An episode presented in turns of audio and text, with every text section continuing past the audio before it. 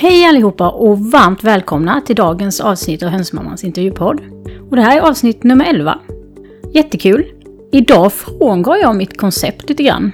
Jag kommer att prata med en som faktiskt inte är, ja, företagare i kanske en bemärkelse, men ändå verkligen en företagare på hemmaplan skulle jag vilja säga. Jag åker upp till Majsan, eh, som bor på en gård i skogen tillsammans med sin man. Och hon är självhushållare. Jag tycker det här, jag tycker det här är jättespännande, det här området. Och eh, Michelle och jag kom in och talade om det i eh, den förra podden. Och jag tänkte självklart ska vi ha med en självhushållare i podden. Och det har jag gått och funderat på lite innan också. Så vi pratade med Majsan, världens härligaste människa. Så himla trevlig och social och kunnig. Majsan flyttade ner från Stockholm efter att ha mött sin man eh, via nätet. De bestämde sig för att hon skulle vara hemma och självhushålla medan han går till kontoret på morgonen. Så hon går och dräller på gården som hon säger. Men eh, det gör hon ju verkligen inte utan hon arbetar ju om dagarna. Hon har en köksträdgård och lite djur till husbehov. Vi pratar om hur man kan självhushålla. Vad innebär det att självhushålla egentligen? Lite odlingstips. Ja, vi kom in på lite av varje. Dessutom eh, pratar vi mycket om det här med konsumtion. Jätteintressant avsnitt tycker jag, det blev verkligen bra. Jag hoppas ni tycker avsnitten är intressanta. Jag tar jättegärna emot feedback, som vanligt. Och väldigt gärna tips på eh, företagare att bjuda in. Eh, jag sitter just nu och funderar lite på vilka jag vill bjuda in. Eller jag vill bjuda in alla helt enkelt. Men jag sitter just nu och bjuder in lite företag och ni får gärna skicka meddelande eller vad ni vill när fler företagare jag kan bjuda in. Så hör gärna av er helt enkelt. Tack till alla er som lyssnar. Jag är verkligen tacksam för det. Det ger mig väldigt mycket energi till att vilja fortsätta. Och jag hoppas ni lär er lika mycket av avsnitten som jag gör. Nu tycker jag vi kör igång avsnittet med Majsan. Ha det bra, hej!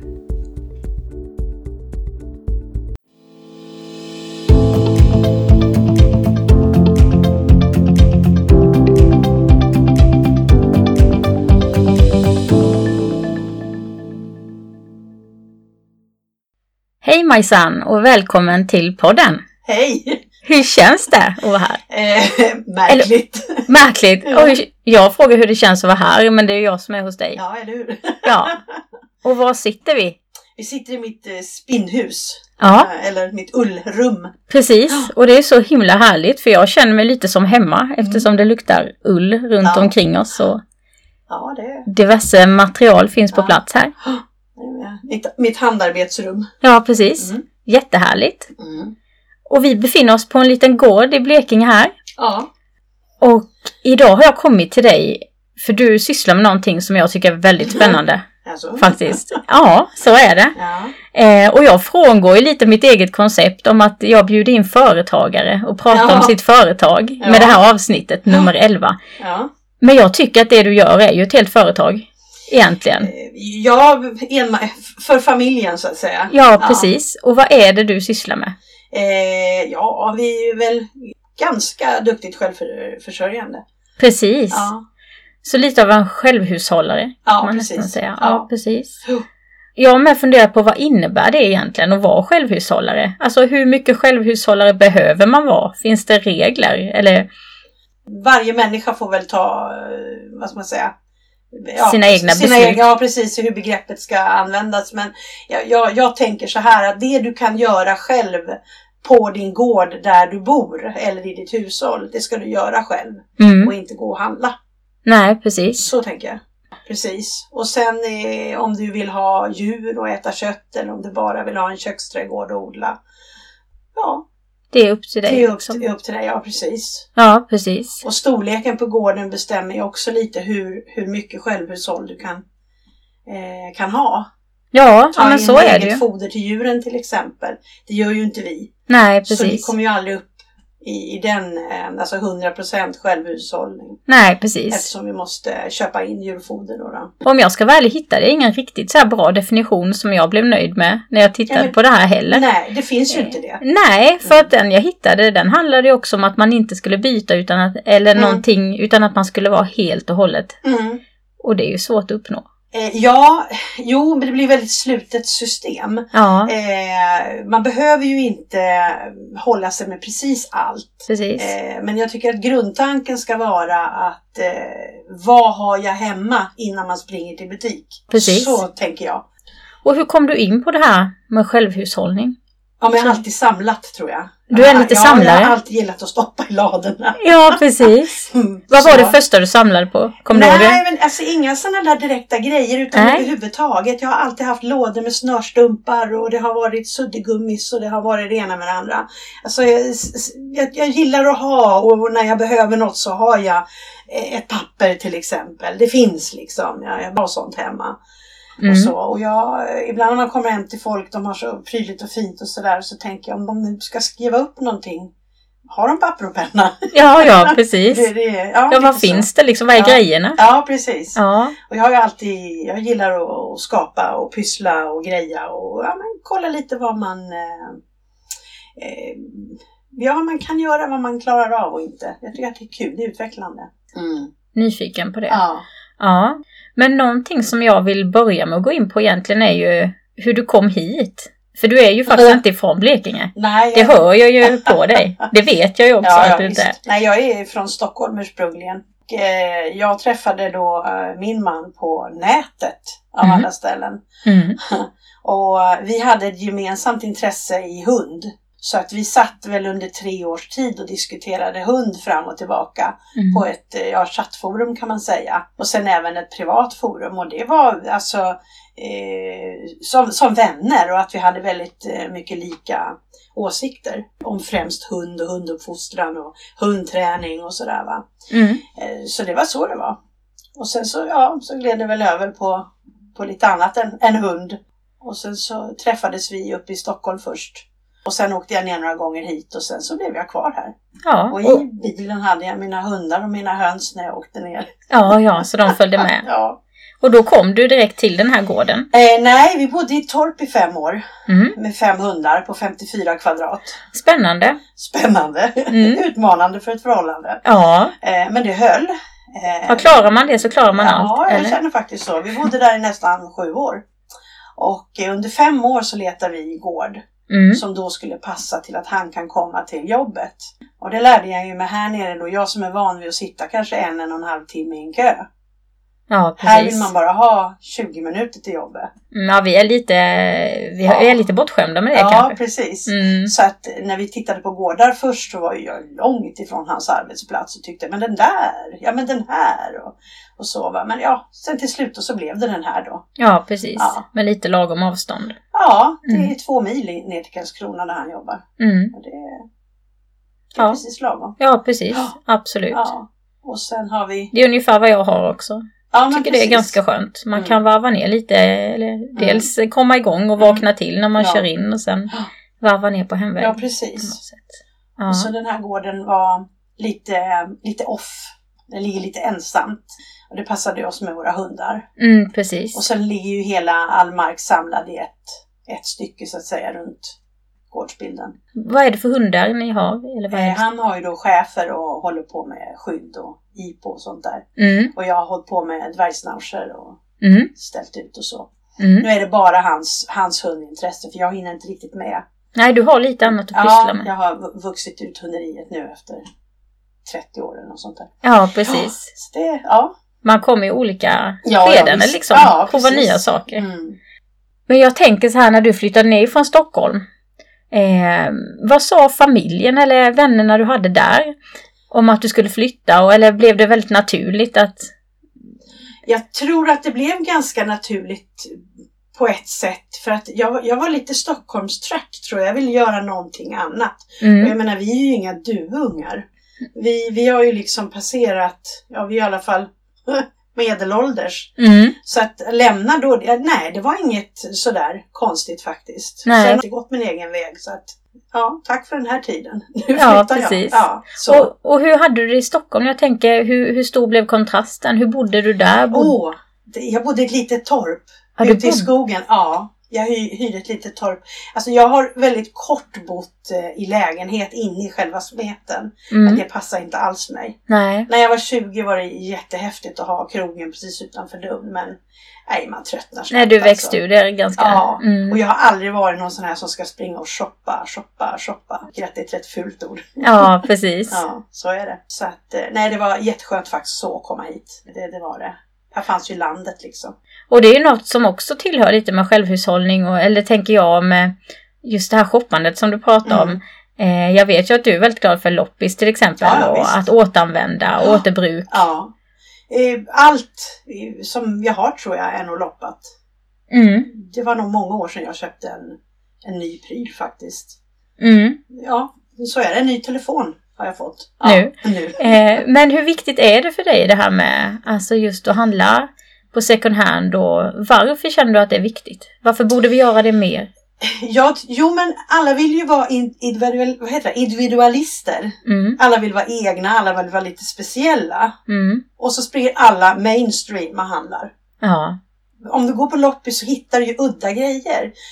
Och det spelar ju ingen roll om, om de kanske har gjorts på H&M tidigare. Nu är det ingen som bär dem. Nej, precis. Då blir ju plagget lite udda. För Mm. sådana plagg finns ju naturligtvis också på loppis. Mm. Och jag köper dem också. Men jag går aldrig in i en sån butik. Nej, precis. Så, så, tänker jag nog. Att det, för mig är det nog viktigt därför att jag har ett sånt utbud tycker jag. På loppisar. Ja. Det, det är Det är inte bara årets kollektion utan... Nej, du, du hittar ju gammalt och då kan man svänga ihop jättehäftiga outfits om det är det man vill ha eller om man ska ha till eh, sin inredning och sådär va. Förvånansvärt många människor slänger ju nya grejer eller ger bort nya grejer. Mm. Ja, ofta det sitter också. faktiskt lapparna nästan kvar Ja, på, ja, ja visst. när man kan fynda. Ja, precis. Så att man får väl komma över den här loppkänslan då. Ja, Ja, precis. så den har jag ju för sig aldrig haft men Nej men det kan vara att man känner att det är någon annan som har använt det. Men jag Ja. känner jag tycker det är med helt okej och roligt att handla på det sättet. ja, ja visst. Absolut. Men för de som inte gör det kanske det är Mm. ett steg Mm. att gå över det där. Ja, precis. Mm. Absolut. Och man får mycket för pengarna. Man får väldigt mycket för pengarna och om du inte vänder dig till en, en, eh, någon som har bedriver som en rörelse, alltså privat, Mm. så har du ju alla de som skänker till välgörenhet. Ja, precis. Det tycker jag är helt suveränt. I princip kan man säga att ah, nu har jag skänkt eh, 500 spänn till, eh, ja, vad ska, vi, vad ska vi hitta på, Lions här och deras verksamhet. Och så kommer jag hem med en kasse kläder. Mm. Nej men det är jättebra. Ja, Mm. så. så ja. Och miljön också. Att vi inte tillverkar nytt hela tiden. Det är Såklart. ju den andra stora grejen för mig. Det är Mm. ju helt onödigt. Vi behöver inte så mycket prylar. Så att, eh, ja, varför, varför inte ta dem någon annanstans än, än nyproducerat? Absolut. Mm. Håller helt med. Mm. Vad har du jobbat med tidigare i livet? Alltså innan när du bodde i Stockholm upp, vad, vad har du pysslat med? Eh, Jag har, jag har nog gjort lite allt möjligt men eh, största delen så har jag jobbat inom vården som många andra. Mm. Eh, och från början var ju det för att finansiera hästintresset som jag har haft. För jag har ridit på ganska hög nivå för Mm. många år sedan. Eh, och då var vårdjobb väldigt bra. Det var lätt att få jobb och så. Va? I princip har jag nog jobbat med det mesta inom vården. Och det har ju varit superkul. Man utvecklas väldigt mycket som människa. När man Verkligen. får träffa olika sorters människor med olika sorters besvär och så vidare. Så att, Mm. ja. Restaurang har jag ju också slarvat runt i men eh, det var ju där 20, 25, 30 års åldern. Så, så att det, det är väl huvudsysslan. Sen har jag jobbat kortare tid som beridare och lite sånt där. Men, Ja, jag tycker det är, de här yrkena som du pratar om nu, det är ju verkligen sådana här viktiga yrken som alla borde prova på. Mm. Ja, jag tycker Med tanke på hur en del också kan bete sig mot den typen av personal. Ja, Men också Precis. för ja, förstå andra människor Ja. och empati och... det är så himla lustigt för att eh, jag har en, en väldigt, väldigt god vän som jag har några gånger sagt att ja, men, testa vården. Det är klart du kan jobba inom hemtjänsten och, Mm. och eh, någon period när hon hade lite svårt att få jobb. Men nej, det skulle hon aldrig kunna tänka sig. Och jag menar, Anna, herregud, har hon jobbat fyra år. Hon trivs superbra. Ja, Ja, men det, det, det är även där kanske att komma över det här steget. Ja. För att naturligtvis kan det upplevas som lite jobbigt i Mm. början och komma in i någon annans Mm, liv och precis. komma ganska nära någon. Mm. I, så som man gör Mm. inom vården. Ja, det kräver mycket av dig själv också. Du, du, det är ju som en eh, liten vad ska man säga, mask man sätter på sig när man går hem till folk. Vad man känner av lite sådär. Ja, Eh, precis. Hur är den personen nu och ska jag vara framåt eller ska jag ta ett steg tillbaka? Och, Mm. alltså det, ja, det är liksom eh, vårdmasken på eller vad man ska säga. För det handlar inte om dig nu utan personen. Och, ja, Verkligen. Ja, jag, jag Mm. tycker att det är, ja, det är spännande möten kan man åka ut för. Och nu jobbar du egentligen för ert hushåll. Ja, jag eh, går hemma på gården och drar. Mm. Så Som härligt. Skulle, nej, precis. Ja, nej men så är det ju. Vi har höns och vi har anker och vi har nu får.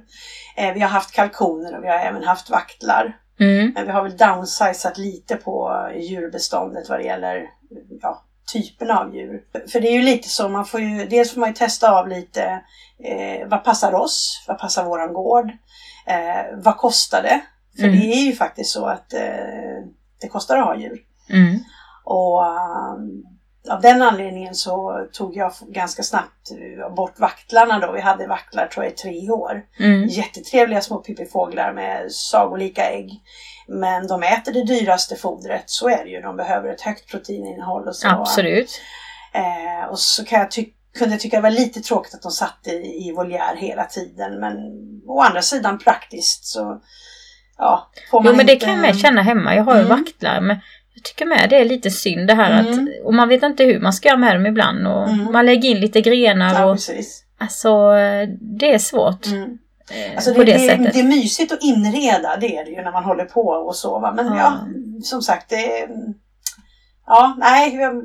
jag eh, Man testar sig fram ja, och allting precis. har sin tid också. Ja, precis. Och du har börjat odla mer? Eller? Ja, jo det har jag gjort. Alltså, jag började redan i det där lilla torpet som vi bodde i. Jag insåg att vi hade en gräsmatta som var, jag tror det var 3500 kvadrat. Gräsmatta. Mm. Alltså så såg tomten ut. En gång i tiden hade där funnits blommor men de har mannen plöjt ner med, med gräsklipp, gräs, gräsmatta då. Han tycker det är mer lättskött. Så där började jag bygga några sådana här stora odlingslådor och då eh, gjorde jag dem 17 meter långa och typ 2 meter breda och så bara lassade vi in ja, hästskit och sånt i dem då och toppade med jord. Och sen fick jag tag eh, i glasrutor som vi la över på och alltså det växte som galet alltså. Jag har aldrig fått en sån skörd med sallad och rädisor och sådär. Och där tror jag jag fick en sån där wow vad man En kan kick. göra. Ja. Mm. Så det var lite också tanken när vi, när vi hittade den här gården att jag ville, eller när vi letade gård, att dels vill vi ha lite lader naturligtvis för att kunna hålla djur och sånt. Men det måste finnas lite mark också att odla. Och sen naturligtvis ett lite större hus än det vi hade. Mm. Mm. Så att, ja, och, och nu har jag när vi flyttade hit så hade vi ett eh, växthus fanns det här med 38 trasiga rutor. Men jag slängde in lite eh, tomatplantor där Mm. på en gång. Och fick alla uppätna. Det var ju mördarsniglar här, det var inte jag beredd Nej. på. Och det hade du inte haft innan? Nej, jag var Mm. helt eh, grön på att tampas med dem. Det är ju ganska tufft. Ja. Först jag tänkte att det här kommer jag aldrig gå alltså. Nej. Men sen började kampen och Mm. nu har jag alltså 620 kvadratmeter stor köksträdgård med ett växthus. Ja. Och jag har anker till, hjälp. ja, som tar sniglar. Ja, de är helt suveräna. Och det är myskankor? Nej, det är Nej. faktiskt blekingeanker. Det är blekingankor? Ja. Mm. Eh, jag tyckte att det skulle vara roligt att ha en anka som är härifrån och den är alltså från 1000-talet från början. Och det tycker jag var roligt. Ja, men det är kul också när de kan vara till sån hjälp ju. Ja. Men de går inte på det andra?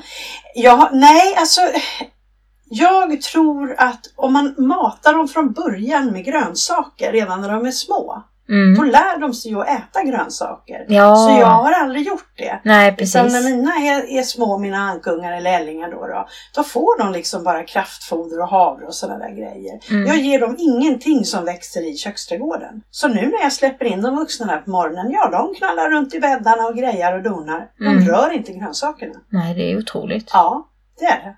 Ja. Och jag tror att det beror på det, att de faktiskt inte har fått grönsaker från början. Nej, men det kan säkert Mm. vara en del av det. Ja. Men jag tänker då, vad är favoritdjuret när ni kom? Eller när, nu när du har provat runt lite med djuren? Eller finns det någon Eh, favorit eller ja, är det, ja, det är nog ankorna. det är ankorna? Ja, jag är nog egentligen ingen hö- hönsmänniska så. Jag tycker att hönsen, hönsen gör sitt här. De Mm. är helt suveräna på att sprätta och böka och plocka insekter. Och äggen. Mm. Ja, och sen så slaktar vi ju tupparna naturligtvis och Mm. äter upp dem. Men ankorna, det är nog väldigt speciellt med ankor tycker jag. Det är något med de här plattfötterna och det där. Alltså jag kan faktiskt hålla med om det. Mm. Jag är jätteförtjust i Ja. våra ankor. Och faktiskt Marcus också. Ja, och de kommer på rad och de ser Ja, så käcka de går i det här lilla ledet och Ja. ja, väldigt beskedliga på Ja, något sätt. ja, ja jag, jag, jag gillar nog ankorna. Mm. Och, och får det så nytt för oss men, men eh, det, det som jag har varit med om hittills så är det toppendjur. Mm. Verkligen alltså. Ja, trevliga och Ja, det tycker jag och mina sitter nästan i knät nu. Alltså de ska in i ansiktet och gulla och alltså. Men de är ju väldigt sociala. Ja. Och om man då har några stycken ja, så är de ju, blir det ju precis formade efter en Precis. verkligen. Ja. Jag märker det på de första vi köpte. Mm, mm. Mm. Jo, nej, men så är det ju. Vi, vi kommer ju inte ha så många får i slutändan utan det Nej. ska ju vara en liten flock för att hålla markerna öppna och sen är ju som sagt mjölkfår då som, som Precis, du har inriktat dig på mjölkfår. Och Ja. vad är det du vill göra då? ost, smör, Ost. mjölk. Allt det som, eh, som kon skulle ha gett. Ja, En precis. ko är alldeles för stor för vårt hushåll. Och det är ju inte en ko vi pratar om utan man behöver ju ha två, kanske till och med tre för att de ska trivas. Ja, precis. Det är betydligt lättare med får. Men som det ser ut nu så odlar ju du era grönsaker Mm, året runt. året runt. Ja. Och det håller sig. Alltså du klarar dig på det. Ja. Du behöver inte komplettera. Det var fyra år sedan vi köpte grönsaker. Fyra år sedan. Ja. Ja. Det är kul. Så du kan lagra det i jordkällare och... Ja, frysar. Vi har flera frysboxar. Mm. Sen torkar jag en del. Eh, ja, sen är det jordkällan. Så himla härligt. Mm. Och sen har du tuppar som du slaktar. Ja, Lite- vi, jag kläcker ju ganska mycket. Ja, jag, Mm. Jag kläcker ju inte lite grann bara för att få fram lite nya höns utan jag kläcker verkligen för att vi ska ha kött att äta. Mm, Så att, eh, jag laddar kläckaren ganska ofta och vill gärna kunna fylla frysen med åtminstone 30-40 tuppar. Ja, precis. För då, då, då pratar vi ju mat. Ska vara självförsörjande så måste man ju tänka lite mer volym. Ja, Och så kompletterar ni lite med kött eh, ja, ibland. Vi, ja vi köper ett, en, en lammlåda Ja, precis. Mm. eh, om året då. Kanske får hoppa över det när, när våra egna börjar producera lamm. Precis. men eh, så gör vi. Och sen så har vi ju vi har ju arrenderat ut våran jakt här på våra marker för vi jagar inte själva. Men då får vi ju tillbaka kött så vi får ju älg, eh, gris, ja, vildsvin då, rådjur. Ja, det, det är väl det då. Så vi- behovet blir mättat där också. ju. Ja, jag tycker det. Eh, Och när fåren nu kommer och du kan så småningom börja mjölka så blir Mm. det ju på något sätt ja, men eller komplett. hur. Jag har fuskat och gjort lite olika ostar på både komjölk och lite olika grejer och det är så rasande spännande. Det, Ja. det är ju kemi egentligen. Liksom. Ja men det är det verkligen. Jag har ju märkt det nu när jag har spelat in podd med två eh, Mm, små ja, mejerier. Precis. Att det är ju en, eh, ja, en väldig kunskap som Mm. ligger bakom. Mm. Eh, verkligen. Mm, Och också något som jag inte visste att det var så stor skillnad mellan ko och getmjölk mm. när man gör osten. Ja. Eh, jag vet inte hur det får. Äh, nej, fåren ligger närmare komjölken men den är fetare. Mm. Eh, så. Men det är olika proteiner i dem. Eh, framförallt getmjölken skiljer sig ju.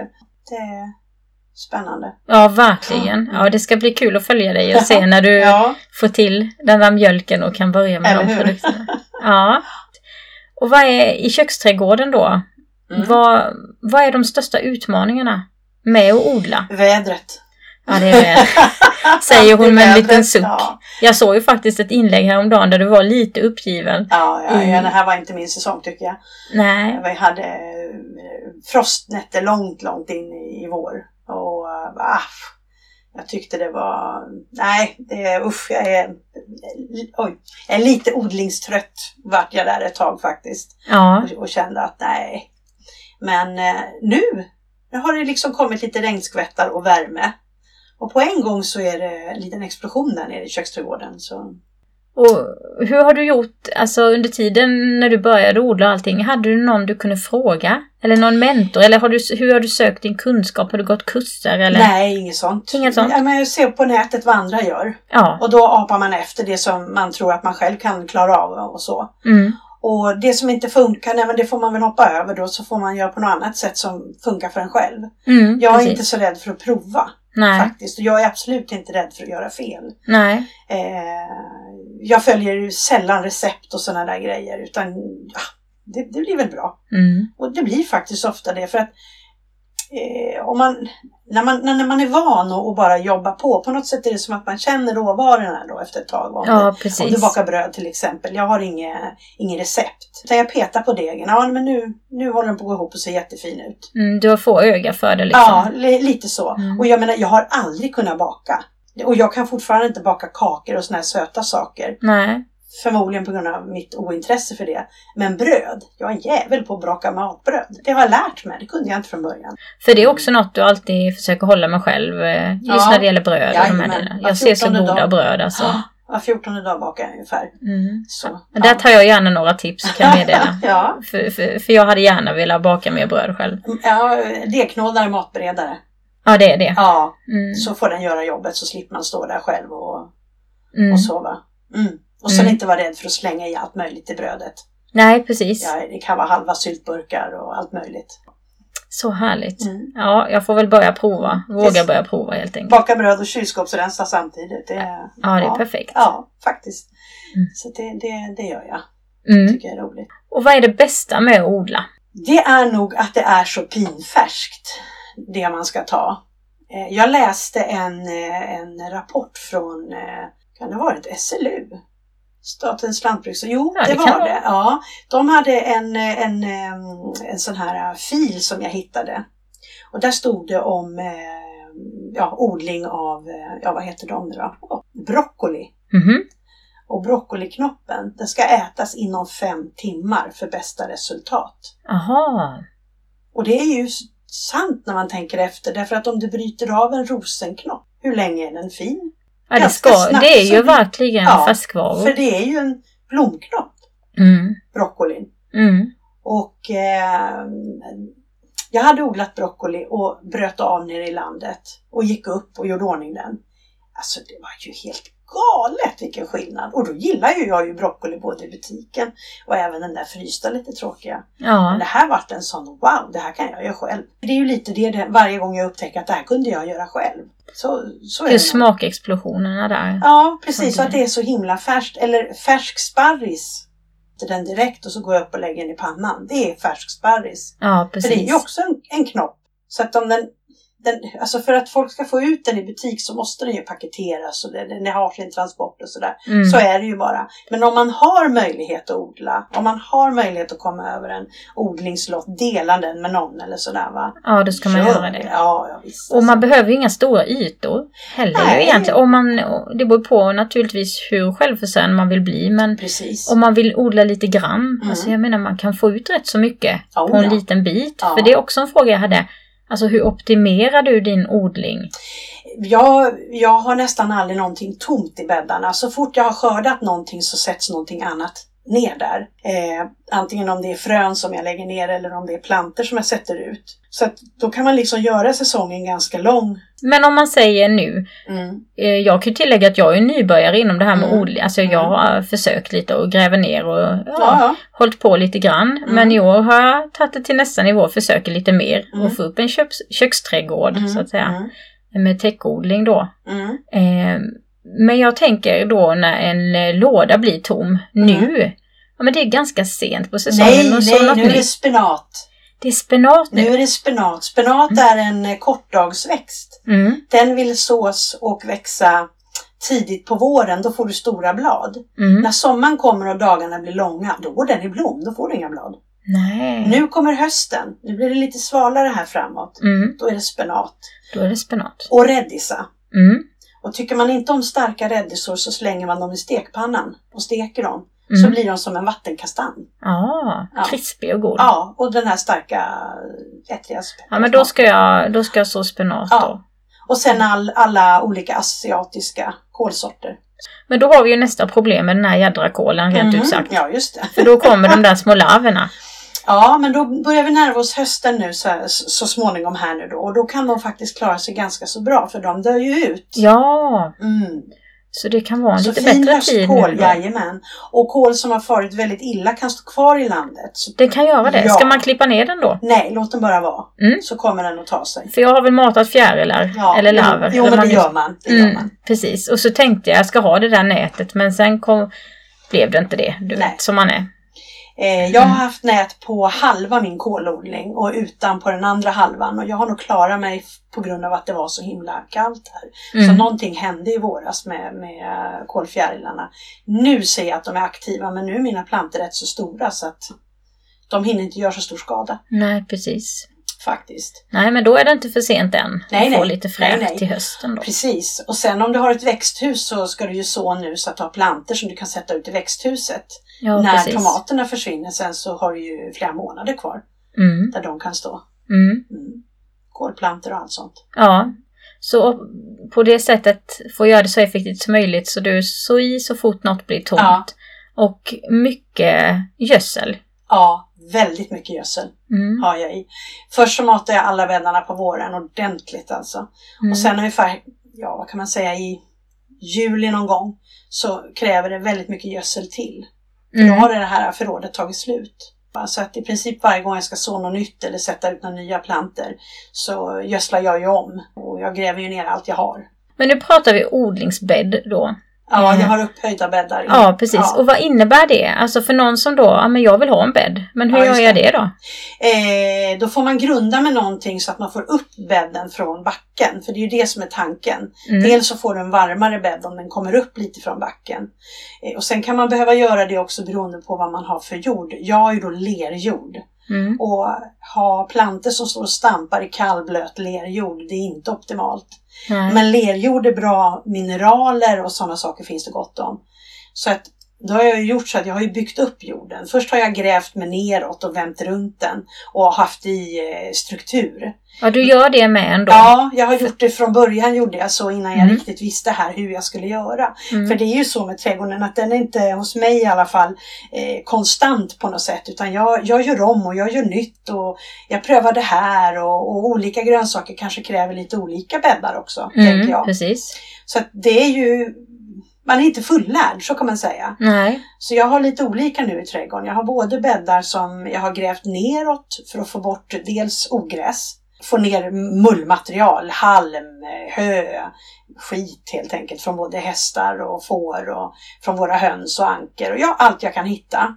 Och sen allt som blir i köksträdgården, alla gröndelar där. Det går ju också ner i bäddarna igen. Ja, du lägger ner ogräset där också eller? Jajamensan. Alltihop? Alltihopa. Det, maskarna blir ju stormglada. Mm. Och de vill jag ju ha i bäddarna. Det är ju Mm. där de gör jobbet. Och eh, ja, och sen så när jag har liksom fått lite djup i bädden så börjar jag lägga så att jag kommer upp lite. Uppåt också och får lite höjd på den. Det Mm. blir lite högre. Så på, på sikt så växer de ju. Ja, precis. Och sen när du då har den här grundbädden, Mm. eh, då för varje år så fyller du på den helt enkelt. Ja, på hösten eller våren eller både och. Mm. Det beror på hur mycket material jag har. Så gräver jag ett dike helt enkelt och öser på med material där och lägger över jorden. Mm. Och ibland kan jag lägga ett dike i mitten av en bädd, ibland kan det vara på båda sidorna av en bädd. Mm. Ja, då är den liksom gödslad. Då har jag gett maskarna mat. Ja, så att i precis. princip jobbar man med jordens struktur. Man bryr sig inte så mycket om plantorna för de, de, de vill bara ha bra jord. Ja, Så det precis. är den jag den Det är jag liksom grundförutsättningen Ja, precis. för allt liv. Ja. Mm. Och så är det inte i början ofta när man börjar odla, för så var det inte för mig heller. Utan jag var så koncentrerad på mina plantor hela tiden och det skulle duttas och sådär. Men jag har Mm. ju fattat att det är jorden, jorden, jorden, jorden Ja, som, som är precis. liksom det viktiga. Och har du bra jord och sköter den, då kommer resten. Men jag har också märkt hemma, jag har haft, jag provade ju, det var du som inspirerade mig från början faktiskt tror jag. Mm. Efter att ni hade köpt första lammlådan eller eh, något spannmål av oss för några Mm, år ja, sedan. det, ja, så ja. började vi diskutera lite och då, då provade jag att göra några bäddar. Mm, Så det var väl fyra stycken. mm, Och de är ju jättebra nu. mm. Alltså precis. det är jättefint och då har jag också fyllt på så här hela Mm. tiden. Alltså, Så man märker verkligen skillnad mot de nya nu och Mm. de s- det gamla. är ju det, mikrolivet kommer igång på en Ja. gång när du får rätt förutsättningar. Mm. Och då får, du, då får du den jord du, du vill ha. ja, och som precis. växterna kommer att behöva. Så att, eh, nej, det är jättehäftigt. Och jag grävde faktiskt inte ner mig då. Nej, utan jag la. Mm. kartong underst. tror jag jag. har gjort så en del Direkt på gräset och så grävde jag ett dike runt. Ja, precis. Men nu på det nya stället då gjorde jag som du säger Mm, här att mm. jag tog en jordfräs först Ja, just det. Mm. eh, och körde upp det. Jag har gjort på båda sätten också. På en del, eh, det beror ju på hur mycket tid man har och, och hur mycket man orkar lägga ner en- engagemang. Jag har slängt ut bara kartong. Mm. Och sen så har jag slängt på, ja, allt jag kan komma över och lagt något tunt jord och överst. Mm. Och sen har ju det blivit en bädd till slut. Ja. Sådana bäddar är ju jättebra att slänga potatis i till exempel. Mm. Så, va? Och när du gräver bort potatisen sen så har du ju ett jättefint köksland. Ja, precis. Då är det bara att ösa på med ny gödsel och så på med, ja, kratta till jorden igen. Så. Så det kan vara något bra att börja med, Ja, till exempel. man behöver inte gräva ihjäl sig. Det, Nej, och det, det tar jag fasta på. ja, det tar för lång tid. Allt för att underlätta Ja, ja, ja, och tidsbespara. Absolut. Det är, grävning är ju mera, ja lerjord är ju är trevligt om man inte vill bara bygga uppåt. Och sen eh, är ju grävningen bra om man vill få bort vissa ogräs. Precis. Snabbt. Så är det ju, men det går att kväva ihjäl den också. Spännande. Mm. Vad är det du äter nu? Vad odlar ni nu? Eller vad är skördar ni nu? Eh, oj, ja, eh, lokförare Bergfeldts jätteärt. Ja, Eh, är en jätteärt som, ja den blir 3 cm bred och kanske 15-20 cm lång. ja, jag har sett den. Ja. Alltså den är ju enorm. Ja, Om man äts- jämför med de här andra. Ja, och äts i alla tre stadier. Alltså den äts som ung, nybliven böna höll jag på att säga, ärtskida. Mm. Eller när den börjar ha svällt upp och fått ärtor. Mm. Och till och med över tills den börjar bli lite gul. Så kan man äta Så den. kan du äta den. Den är inte trådig. Nej. Du äter hela som den är. Den är jättetrevlig. Ja. Och sen om du låter den torka så kan du naturligtvis ha den som en vanlig ärta sen, en torkad ärta. ja, ja, precis. Och Det är en gammal kulturarvssort, en svensk. Svår att få tag i. Eh, ja, det, det är den. Men jag, jag tror att i år nu är det så många som har fått frön. Eller, Ja, man har sett mer. Jag har sett Precis. i odlingsgrupper och så på Ja. Facebook att den har Ja. kommit fram. så att i höst så tror jag att det är lite lättare att få tag i den. Mm. Så, va? Men, men jag tror att Impecta då som hade den, det är de som har hittat den här ärten och kategoriserat den och, och Ja, fixat. precis. Eh, de sålde väl slut på 20 minuter tror jag. Ja, herregud. Eh, ja, det, Ja, var- det kan man tänka sig. Ja, ja visst. Det är Mm. många som vill ha den. Så det äter vi ju. Eh, och sen så, ja mycket kål fortfarande. Mm. Jag är ju väldigt förtjust i att göra asiatiska vårrullar. Och då kan, du kan ha vad som helst i dem och då tycker jag kålblad är jättebra. Hacka ner smått och så bara fräsa på. Mm. Och så har man en sån här dippsås till det. Alltså det är så galet gott alltså. Ja, det kan jag tänka mig. Ja. Och så väntar jag på tomaterna för de har inte kommit. Morötter har vi, det äter vi. Vitlöken har jag tagit upp. Jag är jättenöjd med årets vitlöksskörd. Mm. Eh, löken ska plockas upp snart. Den är sådär. Jag, usch, jag svär lite åt dem när jag ser dem men eh, Nej, det var precis. frost. Ja, det var kallt ja, allting har inte gått i stock i alla fall och blommat så vi kommer att ha gul lök så vi klarar oss. Ja, precis. Men eh, ja, det hänger lite på året. man ju också tänka om man tänker gul lök året om.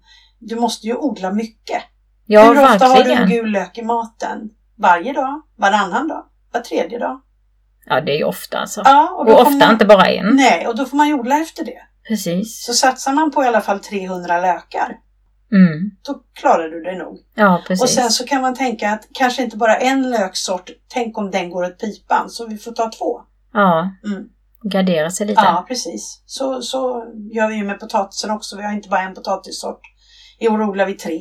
För, för att vara liksom. Någon lite tidig och någon lite senare. Jag har eller? inte riktigt tänkt så i år utan jag har bara gått på smak. Jag odlar en ny sort som jag aldrig har prövat förut som heter Arram Victory. Mm. Och det ska vara, den anses vara världens bästa mospotatis. Okej. Och det följer jag för och tänkte wow, Ja. den, den, den måste vi ju ha. Mm. Så den köpte jag ett kilo av bara ekologiskt utsäde. Och då är ju tanken den att eh, det mesta kommer jag spara till utsäde nästa år. Jaha, ja, Så att jag får, får mer så att säga. Mm. Eh, men vi kommer ju pröva den naturligtvis, se om det var något att ha. Så, så, så gör man. För att jag ju, vill gärna ha eget utsäde också. Du Helst samlar? Inte. Ja, jag varje. samlar. Jag vill helst inte köpa nytt varje år utan eh, kan jag så tar jag gärna Mm. egna frön Mm. och eget utsäde.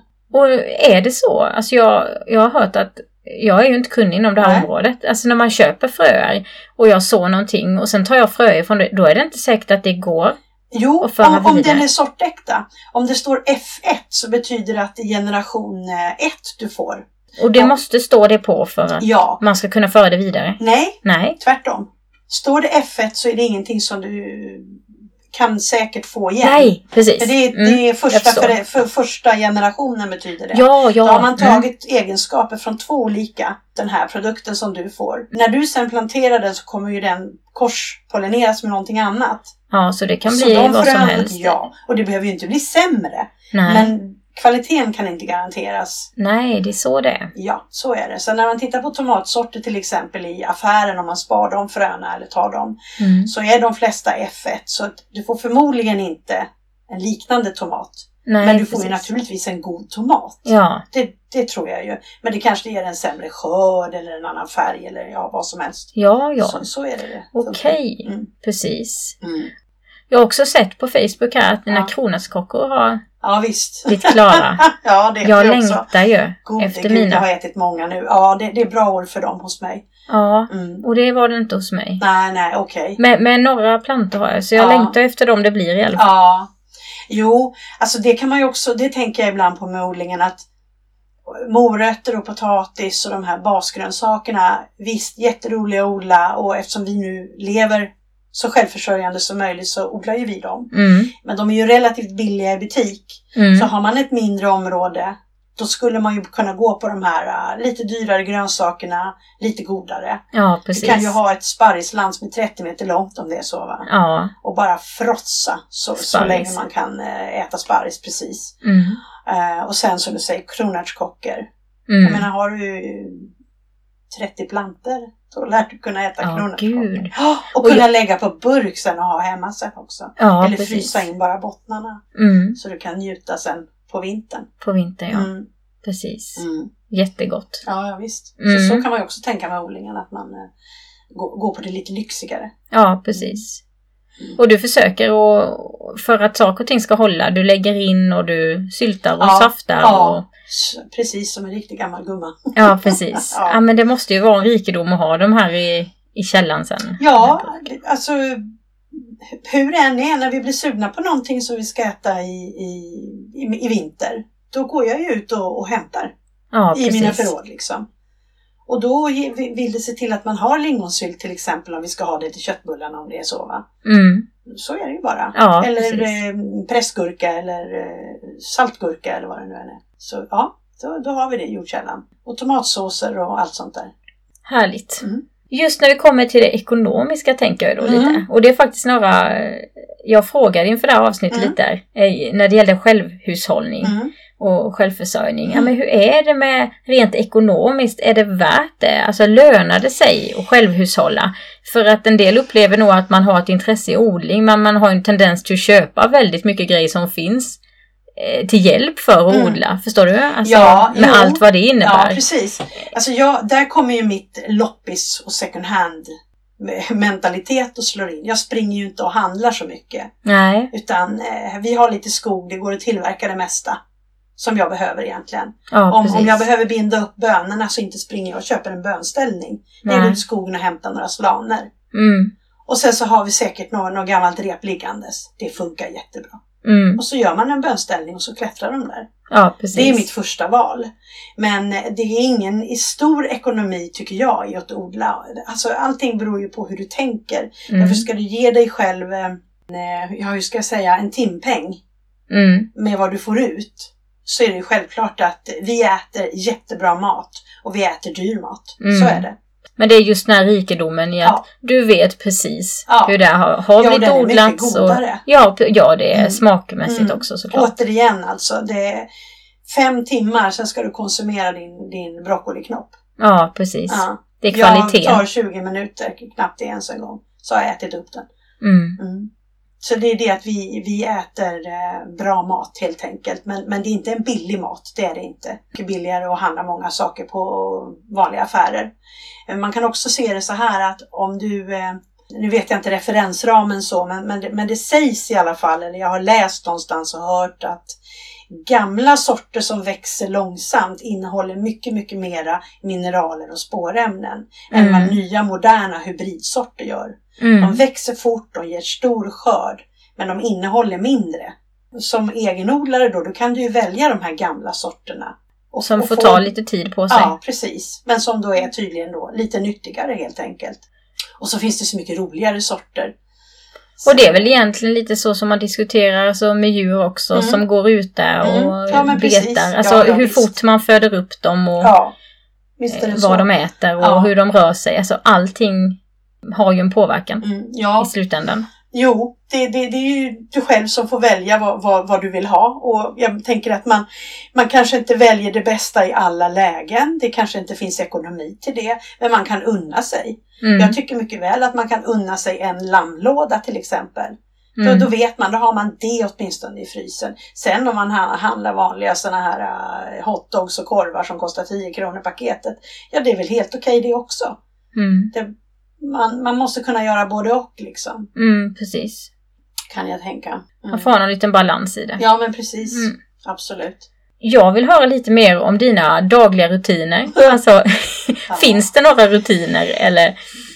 Jo, det finns rutiner. Jag, jag är en sån här som på kvällen ligger jag och går igenom mina listor vad jag ska göra. Det där ska fixas och det där ska fixas. De är ohyggligt långa. Mm. Och sen på morgonen så gör jag ingenting av det som stod på listan. Nej, då är det något ja, annat som ja, har hänt. Ja, visst. Det är alltid andra saker som måste göras först och så vidare och som är roligare för dagen. Mm. Men jag vaknar eh, väldigt olika tider beroende på om det är vinter eller om det är sommar. Mm. Eh, jag är en morgonmänniska, vilket är helt otroligt med tanke på att jag har jobbat natt halva livet, men så är det. Mm. Så att jag vaknar mellan fem och sex på morgnarna.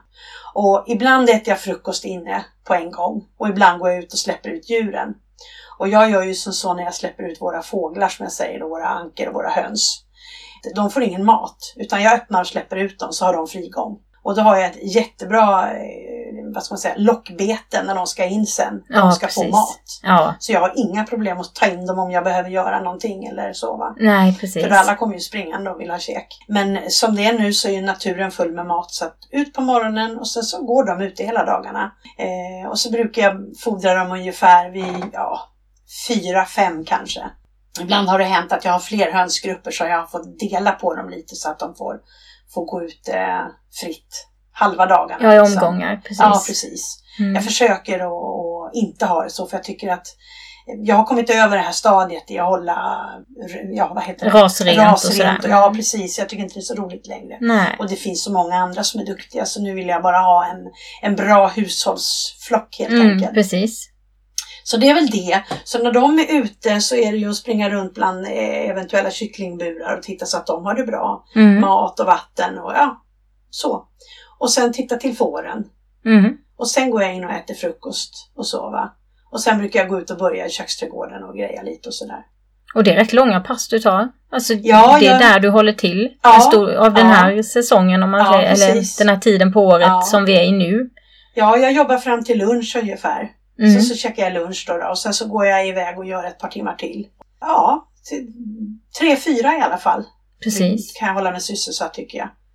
Och sen väntar ju allting precis som hos alla andra hemma. Ja. Disk, städ, tvätt. Mm, den precis. finns ju där den också. Och mannen han åker ju till eh, kontoret på morgnarna. Det, han, han, han är sån. Ja, han är sån ja. ja precis. Någon ska vara det också. Ja, ja, ja visst. Det, det är ju så. Vi skulle inte klara oss på den här lilla gården på det sättet vi lever. Nej. Utan hans lön. Nej, precis. Det, det, så är det ju. Och det är härligt när man kan komplettera varann och ja. att man, man gör upp det. Mm, ja, precis. Han vill inte odla på det här sättet. Han vill gärna äta men han vill inte odla. Nej. Men däremot så hjälper ju han till. Om det är sådana grejer som jag inte kan och klarar av, då fixar vi det tillsammans. Mm. Så är det ju. Eh, men eh, odlingen och djuren är ju, är ju mina sysslor. Mm. det är ju så jag vill ha det. Precis. Jag bestämmer över dem. Ja. Mm. Nej men det är väl jättebra mm. när man ja, har en uppdelning ja, på det ja, sättet. Ja. Och det är rätt skönt för honom också att veta att han, han behöver inte hålla på med de här djuren om han inte vill. Nej, men han är, han är ju och pysslar, så är det ju. Ja. ja, det är svårt att låta bli. Ja, herregud. Han ser ju om det är något som har hänt eller något sånt där. Så ja, det satt en liten kyckling där, jag tog bort den och, och förklara. Det, visst är det så. Nej, men jag känner igen det. Även mm. om man har ett uh, huvudområde eller ett mm, ansvarsområde ja. så hjälps man ändå åt mm. när det väl behövs. Ja, precis. precis. Så, så är det. Så det, dagarna ser olika ut men du försöker ha lite rutiner? Ja. Och sen har du dina hobbys. Alltså, vi sitter ja. ju faktiskt i ett rum. Vi kan ju inte ha det onämnt här i, i podden. Nej. Du, du gör så fina koftor har jag sett. Ja. Jag, jag är handspinnerska, jag spinner garn. Mm. helst ull men, men eh, alpacka, angorakaniner har jag ju också haft. Mm. Så även de då. Eh, ja, det är en superrolig hobby. Mm. Så då spinner jag garn och så, så stickar jag saker helt enkelt av mm. det. Ja. Jättefina så, grejer. så är det. Och så gillar jag ju då svampfärg och växtfärga det här garnet. Och, så att jag tycker att livet har lite för få timmar ibland. Ja, det kan jag förstå. Ah, för det tar ju ja. tid. Ja, här visst. Ja, ja, visst. Det tar jättelång tid. Ja. Är, samtidigt är det, man rensar huvudet lite när man sitter och spinner. Det, är liksom, det går i en takt va och jag kan sitta där och, och greja med min ull liksom och så fladdrar det ja, om vi skulle ha potatisen där istället i år. ja, precis. Att du får sån här ja, uppenbarelse Ja, precis. Så sitter jag och funderar så ja fast det, jaha, jo kanske ska, ska få den, ska vi inte hänga där borta också? Ja, precis. Så, så tänker man ju va? Ja, men det kan jag verkligen Mm, tänka mm. mig att man... Ja, Precis. Man, det blir din tid för reflektion. Ja, exakt. Så att, ja, det, så är det. Mm, vad härligt. Mm. Men vad har ni för framtidsplaner på gården? Jag tänker, vad är målet med självhushållning? Nu har vi pratat en del om det. Mm. Eh, men vad är målet liksom? Vad är du? Alltså, jag har inget mål. Vi Nej. tycker om att leva så här som vi lever nu. Ja. Ja, det här har ju att vi inte, det är ju ingen företagsverksamhet. Nej. Så att vi, vi vill ha mat för dagen, vi vill ha ett, ett schysst liv. Ja, Mm. så.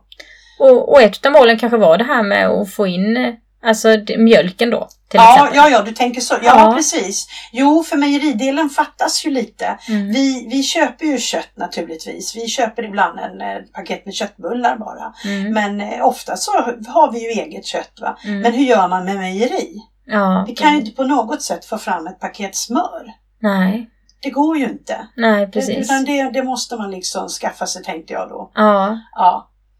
Och då är det ju så himla bra för jag handspinner och här har vi ull. Ja, Alltså så fåren du får ju ut liksom kött, Ja. ull, mejeri, Ja. alltså det blir ju Och landskapsvård. Och landskapsvård. Ja. Ja. Exakt, det är bättre än ko alltså. De har ingen ull. Nej, de har ingen ull. Nej. Precis. nej, men det är ju perfekt. Ja. Och så är, är får ju lite lättare att handskas med kanske. Jo, eh, jag brukar säga det. De varken sparkas eller bits. Ja, Man kan nej, nästan ta dem under armen. Så liksom. Ja. Mm, så det är ganska behagligt faktiskt. ja. För det var lite det jag funderade på. Hur Mm. långt vill du gå? Men det går ju lite, alltså jag känner det är ju lite upp och ner Ja. och hur skördarna blir och hur det blir. Och ja. Ibland får man ta in hjälp och ibland klarar Mm. man det. Och, Ja, eh, alltså grönsakerna har vi ju klarat själva nu, grön och rotsakerna ska man väl säga, i fyra år. Och filosofin där är ju att när potatisen inte räcker då äter vi någonting annat. ja, Det är precis. det här som folk, folk tycker jag ibland måste tänka att inte springa direkt till affären bara för att knäckebrödet är slut. Nej, nu har vi inte knäckebröd. Nej, Nu precis. får vi äta det här. Nej, för det finns ju faktiskt många som har listorna och när Mm. något är på den hyllan som alltid Mm. brukar stå där tar slut, då Mm. skriver man upp det på listan och Mm. så. Men det är ju en väldigt bra tanke och just för också få in det här tänket att vi äter efter säsong. Ja, precis. Att nu finns det ingen paprika och då tar vi Nej. inte paprika. Nej, eller nu. precis. Nej. Och det är ju, det, här- det är, när du pr- pr- pratar om vad som är det bästa med, själv, med det här med ja, självhushåll eller att odla, det, det glömde jag faktiskt att säga. Alltså hela sommaren nu och hösten när vi skördar, varje gång vi tar en ny grönsak som vi inte har ätit på nästan ett helt år, Mm. så är det som en kräftskiva. Ja, Det är samma känsla som, nu kan du äta kräftor året om, men jag är uppväxt med att man åt kräftor i augusti. ja precis. Den 8 augusti eller något sånt där, då Ja. var det liksom kräftpremiär. Mm. Det här är precis samma sak. Den första paprikan, de första morötterna. Åh, det är så galet gott Ja, alltså. och ni har det här hela tiden. Ja, nu är det ju ända fram till, till vintern kommer Mm. och det liksom inte finns så Det är mycket så himla längre. härligt. Ja. Nej, men det förstår Det, jag verkligen. det är en grej. Så nu är jag ju i det här, jag har ätit de första paprikorna. Mm. Och liksom att lägga ett par paprikaringar på en, en eh, ostmacka. Uff, det var så gott alltså. Ja, jag kan tänka mig det. Ja, Jag, jag kan säga att jag går lite i en sån här lyckokänsla Mm. idag för att igår hade vi, dels hade vi en grillkväll ja, eh, där jag grillade lamm då. Mm, eh, jag hade ja. bara färsk, färska örter ifrån ja, trädgården. ja, men, ja. Potatisen kom ifrån de som då var på festen Ja. som modlade det. Mm. Eh, en majonnäs på äggen ifrån gården Mm. och ja, alltså det var ju så härligt. Ju skithäftigt. Och, så, och alltså. fint väder Mm. och mitt i allt så kom nio griskultingar till världen. så det toppade ju Ja, liksom ja, hela ja, upplevelsen. ja. Men det var en fantastisk kväll, Ja, verkligen. det Men just det här med maten också, Mm. att ja, Ja men Det alla säger så ju den här första färskpotatisen som, det vet jag också alla som äter färskpotatis, kommer till butik och man, när den här första man äter, galet god alltså. Ja, det är den. Och då, då kan vi ha det hela tiden i alla de här grönsakerna. Det är inte de här vintertomaterna i affären. Inte för att de är felodlade på något sätt, det är bara att de smakar vatten och är, är ganska tråkiga. Ja, precis. Då har jag i mina lador istället tomat, alltså i burk som vi äter. Då. Vi, det blir tomatsåser. Ja, Färsk precis. tomat blir det inte förrän den är färdig. Men då är det också en wow. En, ja, Mm, en mm. wow-upplevelse. Ja, ja visst. När man bara går och väntar på att de ska Mm. skifta färg. Tycker jag. Precis, precis. Så är det. Ja, men jag förstår verkligen Mm. känslan. Det är en lyx. Det är en lyx, Mm. det är det. Det är en gourmet. Och när vi odlar sparris så jag har eh, inte jättestor sparrisbädd. Vi har åtta planter men den försedde oss Mm. hela nu våren. Vi åt, tror jag, var, varannan dag åt vi sparris alltså. En rejäl knippe. Mm. Och det var ju hur gott som helst. En ny bädd med 30 sparrisplanter så att vi kommer att ha. Ni kommer klara er. Mm. Så himla härligt. Ja. Fantastiskt med mat. Ja, det är det verkligen. Om vi då går över, jag har alltid lite frågor, tiden går så snabbt, herregud. Mm, ja, ja. Men eh, jag har lite avslutande frågor. Ehm, och då är den första, kan du ge några tips till någon som då vill börja eh, och odla eller självhushålla? Alltså, var kan man börja? Vad är det första man kan göra? Jag, jag tänker så här att vill man ha en lätt eh, sommarodling bara? Eller tänker man sig att man ska ha lite längre året om? För det är de två, att antingen så gör man några lådor bara och så, så kör man igång lite och har, har lite sommarmat helt enkelt. Mm. Eh, börjar lite försiktigt. Eller så fan tar man traktorn och kör av den här jävla gräsvålen på eh, 600 kvadrat. Och bara och så kör. bara kör man. För vad du har då, det är inte några små trånga lådor. Du har hur mycket space som helst. Mm. Och du kan misslyckas, du sår bara bredvid. Mm, Du precis. kan liksom stoppa i hur mycket som helst på en gång. Mm. Så, så, så tänker jag nog. Ja, bara testa sig Ja. fram. Ja, Kör bara. precis. Har man platsen så varför inte liksom? Ja, precis. Och sen eh, kan man väl tänka då, hur mycket går åt av allting? Och då tänker jag så här att om du har en påse med salladsfrön, så inte hela påsen, för då har du 500 salladshuvuden du ska äta upp om tre veckor. Mm. Så 10 frön, vänta två veckor. Så 10 frön, vänta två veckor. Så 10 frön, vänt. För då kommer du hela tiden att ha sallad hela sommaren. Ja, precis. Det är Ja. nog det misstaget man ofta gör. Ja, man blir så ivrig så att man sår ut och sen har man, oj vad mycket det blev. Ja, eller så för tätt. Det? Ja, det kan man också göra, men det går ju att gallra. Och där är också en fin grej. Jag gallrar ju aldrig ut de minsta. Jag gallrar de största, de äter vi. Så Mm. får de minsta växa på. Ja, precis. Mm. Så har Så. du dem kvar. Ja, precis. Ja, men det är väl ett bra tips. Antingen går man helt bananas eller så Ja. tar man det lite lugnt och Ja. provar i sina lådor. Precis. Också precis. beroende på plats. Och. Ja. Jo, för det är ju det. Hur, hur mycket har du att tillgå? Och sen vilka förvaringsmöjligheter har du? Mm. Att inte förvarar om du tänker du ska ha liksom även på vintern grönsaker då. Som du har odlat själv. Förr, förr fanns det ju ett förråd i varje, till och med lägenheten hade ju kallförråd nere i källarna. Ja. Potatisförråd alltså. Varje Precis. lägenhet hade sitt. Mm. Men sånt är ju bortplockat nu. Om du skulle få bestämma några saker som vi människor här i världen inte skulle göra mer. Shoppa. ja. Ja. ja, men shoppa är ju ett ord som betyder att jag behöver egentligen ingenting. Jag ska åka in och titta. Och sen kommer du hem med fyra, fem småpåsar och är jättenöjd. Jag är även också det när jag har shoppat. Ja. Och så ställer jag upp alla de här sakerna som jag har shoppat. Och efter två veckor har jag glömt bort vad jag har shoppat den dagen. Ja, precis. Och är sugen på att shoppa nytt. Mm. Det är ett eh, substitut om man är uttråkad, Ja. tror jag. Mm. Så eh, shoppa, det kan vi nog sluta göra tycker jag. Mm. Mm. Tagga ner shoppandet. Ja, precis. Oftast har man allt man behöver hemma. Ja, precis. Mm. Är det någonting annat du känner? Nej. Nej. Det är det viktigaste budskapet du vill ge. Ja, jag tror det. Ja. Ko- konsumtionen måste, måste kanske... ja. Och, och i konsumtion, där kan vi gå in så, på så himla många olika Ja, delar. För det gäller ju både kläder, det gäller Mm. maten, det gäller att inte slänga så Mm. mycket. Alltså det är ju hela allt detta Mm. ju. men det, det har ju blivit fult att ha en lapp på knät. Mm. Vilket är helt horribelt egentligen. Mm. Du ska alltså slänga ett par byxor för att du har fått ett litet hål. Nej, de verkar inte ha det hål i dem. Vad är det för tänk Ändå alltså? sitter man och klipper sönder byxor med så man ska Ja. säga. Eller hur? För att det är trendigt. Ja, precis. Nej men alltså så, så har det ju blivit. Det har väl inte kanske egentligen med självhushåll att göra men hon, eh, vad, vad heter hon nu som Camilla som gjorde en sån fin serie om att ta tillvara på kläder och grejer på TV. Oh, nej, det kommer jag inte ihåg. Ja, den är, Mm. den är jättefin. Hon Mm. är ju eh, designer och ja, vad hon nu är. Lär sig att tvätta och ta hand om kläder på rätt sätt. Ja, precis. Som man vet gjorde förut. liksom. Ja, hon visar eh, i ett avsnitt så visar hon eh, någon nattskjorta eller någon skjorta som någon mamma har haft. Och hur hans syster har stygnat om kragen och sytt på en ny när den har blivit sliten. Alltså det är så, det är så fint. Så Mm. jäkla fint alltså. Mm. Man ska ha respekt för saker liksom. Ja, jag tycker det. Ja, men precis. Absolut alltså. Vi, vi är så otroligt bortskämda med grejer. Alltså, så det är, ja, vi är inte rädda om dem. precis. Så, så är det. Och det gäller ju även mig. Jag är ju så van att man bara kan få. Ja, det är vi alla ju Mm. egentligen. Visst är det så. Därför Precis. tycker jag att shoppa är ett fult ord. Mm. Mm. Vi bör alla i alla fall fundera innan vi går till Mm. butiken. Spelat in ett avsnitt med Susanne som har en butik i Öljesjö som säljer kläder.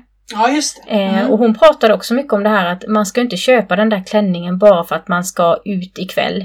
Utan Nej, att man ska ju, man ska Ja, ju ha ett helhetstänk i sin Ja, garderob. Att ja. det här ska matcha till det jag har där och Mm. det här kan jag använda till många olika Mm. saker. Som, Och- som en ba basplaggs... som ba- eh, ja, att man bygger upp Ja. eh, en basgarderob Mm. och sen kan man gå utanför de gränserna lite ibland men man ska ändå ha genomtänkta köp. Mm. Ja, ja, visst, visst. Absolut. Så det bygger också Mm. på liksom att man ska ha respekt för kläderna Ja, ja, och visst. att man köper det som Ja, man... men med tanke på vad det går åt att producera kläder idag i form av vattenresurser och, och, och även folks hälsa många gånger. För det är ju tredje land som producerar våra kläder till största delen. Mm. Så är det ju inte så konstigt om, om eh, vi måste börja tänka lite. Så att, eh, absolut. Har du någon, något motto? Någon livsfilosofi? Eller någon förebild eller någonting sånt? Nej, det, nej. Det var, oj vad svårt. Ja, det säger alla. Det är Ja. en svår fråga. Eh, Den här, det är en svår fråga. Ja, Ja, nej jag har nog ingen motto direkt. Var snäll, men det är väl jättebra. Ja, precis. Eh, Var- Det är en snäll. bra fil- livsfilosofi. Ja, man tjänar ingenting på att vara dum. Nej, Nej, var snälla mot varandra. ja, ungefär så. Det, Mm. det är nog det enda jag kommer på. Ja, det tycker jag är jättefint. Ja. Ja, men så är det verkligen. Ja, ja, det, det bygger allting på. Mm, mm, absolut. Mm. Och vad gör du för att ladda batterierna? Då känner jag lite efter de här samtalen att du kanske sitter och spinner. Ja, men det är precis, jag skulle precis säga, det är så givet. Då håller jag på med något handarbete. Ett sätt att ladda batterierna. Mm. Sen springer vi gärna på museum och sådana där grejer och ja, det, det tycker vi är kul. Lite historia och lite... Ja, faktiskt. Det är jätteroligt. Och det får gärna vara både nutidshistoria och krigshistoria och gammal historia. Det, det spelar inte så stor roll. Jag, jag gillar när folk berättar om saker. Eh, alltså att lyssna på någon annan, det, det, det, det, det gillar jag. Mm. Eh, så. Det ger mycket. Ja, precis. Mm. Vi var Da Vinci-museet till exempel. Han är ju en fantastisk man i sig och allt vad han eh, höll på med och pula med och sådär. Men eh, hon som hade, eh, vad heter det, vad, vad heter det? Hon som är ledare, vad, vad säger man? Guiden. Guiden, Ja, tack! precis. Den guiden i Da Vinci-museet. Hon var helt fantastisk. Mm. Och, hon, och det är det jag menar att man kommer dit och vill titta på honom och det är jättebra allting. Och så kommer hon in och gör den här uh, upplevelsen ännu bättre. Ja. För att hon är kunnig och ja, men det är ju fantastiskt att få så mycket kunskap serverad framför sig. precis. När det är människor som berättar saker och är så intresserade Ja, av det. precis. Mm. Det är nog mitt sätt att ladda batterierna. Att eh, göra något helt annat. Ja. Så, va? eller åka till en, ja, inte vet jag, en fiskodling och stå och glo en stund. Va? Och, få, och de berättar hur de jobbar. Och man är alldeles fascinerad när man går därifrån. Ja, precis. Så man behöver inte hålla med om grejerna men man är lite sådär. Nej, det är ändå åh. intressant Ja, att se. Absolut. Så jag är så. Men annars är jag en husmus. Jag trivs bäst hemma. Jo, men det, det kan jag skriva under på. Mm. Så är det verkligen. Ja. Ja, gud vad härligt att prata med dig. Ja. Ja, men det, det har varit jättekul. Ja. Vi, eh, jag tänker mig att jag gärna går ut och tar ett span hur det går för dig i Ja, ja, visst. Absolut. när vi är färdiga här. Mm. Kan du göra. Mm. Mm. Hur, eh, hur är det om man då vill följa någonting som du gör? Eller du håller till lite på Facebook vet jag. Eh, I vissa grupper där Ja. och sådär. Lite odlingsgrupper och Ja, precis. kan man se lite inlägg Ja. ifrån Majsan. Ja, precis. Ja, så då vet vi vem vi pratar med Ja, helt enkelt. precis. Ja, Jag, jag är väl, jag ska inte säga att jag är hemlig av mig, men jag är in, inte, inte så glad i massa folk. nej Jag är mer precis. introvert. Ja, precis. Ja. Men där kan man få fina bilder Mm. på grönsaker och annat. Mm. Om man är med i odlingsgrupperna där. Mm. Mm. Ja. Tack snälla för att du ville vara med ändå. Tack för att jag fick vara med. Jag är jättetacksam för det. Ja. För det är ju ingen självklarhet att man vill vara med i en app heller. Äh, app säger jag ja, nu. Podd. Ja, Podd. Ja, jag det är väl nästan samma sak. snart. Ja, Allt precis. Allt går i varann. Ja. Nästa är Youtube-kanal, men det tror jag passar på. ja, Jag är lite känslig för det här. Jag vill inte att någon ska se mig i alla fall. Youtube-kanal, då ska allt filmas med. Jag känner så här, jag tyckte det var jobbigt nog att höra min egen Mm, röst mm. på avsnitten ja, här. ja, visst. Och det tycker jag fortfarande. Men tänk då att ha en kamera på sig hela Mm. tiden också. Ja, ja, ja, visst. Nej, det Nej, hade ja, nog nej. varit fruktansvärt. Alltså jag, jag, jag tänkte så här att jag skulle lägga upp som en liten eh, trudelutt på Instagram och jag tog min kamera och jag vet inte hur många varv jag gick runt i fårhagen och babblade och sa fel och sa fel och Ja. sa fel. Det var säkert hundra Mm. utan överdrift alltså. Mm. Och jag var så förbannad till slut. Jag bara, hur svårt kan det vara? Precis. Håll dig till ämnet, brodera inte ut. Nej, Men du men, vet, ba, ba, ba, ba, nej. och man är äh. självkritisk. så Och man tror, in i bomben, ja, det är alltså. man. Ja, Och ja, man tror visst. att man kan bestämma innan exakt vad man ska Ja, säga. och hur det ska låta. Och hur det ska låta. Ja, ja, det värsta jag har gjort är när jag hade manus. Jag spelar alltid in ett litet intro till mina Mm, avsnitt i podden. Ja, ja. Och när jag då skrev upp vad jag skulle säga i introt, alltså det ena lät värre än Ja. det andra. För jag skulle Ja, då försöka det. läsa av det på något sätt. Mm. Alltså jag kunde sitta 10 gånger eller 20 eller 30. Men Ja. nu bara sätter jag på och så får det bli som det blir. För att man kan inte alltid styra allting. Det blir bara Nej, det värre kanske, då. nej, det- men det kanske är så när man är så van vid perfekta studioproduktioner. Du har Ja. tittat på TV och sådär va. Det är välsminkat och tjusigt och de säger väldigt Manus. sällan fel. Mm. Ja naturligtvis, som de har läst och skrivit själva och så va. Mm. Plus att de är utbildade journalister många av dem. Precis. Så man, man får nog, för man blir så pretentiös, man vill att det ska vara så himla bra. Ja, precis. Mm. Nej, men Mm. det handlar det med om att tagga ner nu när vi har Mm. pratat om det Mm. innan. Ja, ja visst. Man visst. får liksom ta det lite för vad det är. Ja, Och det är ju faktiskt det jag vill med den här podden också. Mm. Det ska inte vara så. Ja, men det är ju vanliga människor. Ja, det är vanliga människor. Som, ja, ja. Och det är liksom det som är meningen. Mm, mm. När man är en vanlig människa. Mm, ja, Så är det ju. Ja. Ha det riktigt bra nu eh, Majsan och lycka till med odlingssäsongen. Ja, detsamma. Hoppas ni får Eh. ett bra fårår. Ja, Mm. det får vi verkligen hoppas. Men det ser lovande ut. Mm. Tack snälla. Ha det bra nu. Detsamma. Mm. Hej. Hej.